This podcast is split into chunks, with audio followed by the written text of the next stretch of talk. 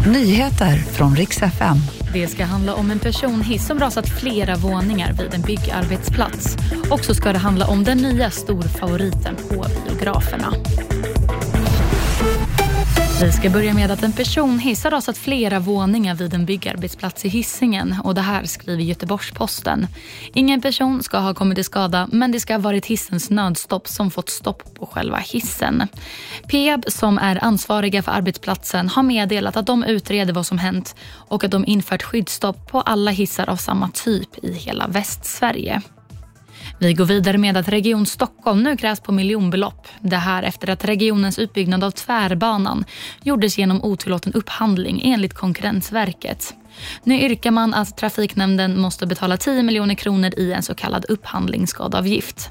Om en upphandlande myndighet ska göra ändringar av ett kontrakt måste det ske enligt gällande regler, säger Rickard Järmsten som är Konkurrensverkets generaldirektör i ett pressmeddelande. Slutligen ska det handla om den nya filmen Wonka med Timothée Chalamet i huvudrollen som godismakaren Willy Wonka. Den här filmen den hamnade på en klar första plats i biotoppen både i USA och i Kanada under helgen. Den nya filmen är en berättelse om vad som hände innan den klassiska filmatiserade barnboken Kalle och chokladfabriken där bland annat Johnny Depp spelade Willy Wonka 2005. Och Det var nyheterna och mitt namn är Moa Jonsson.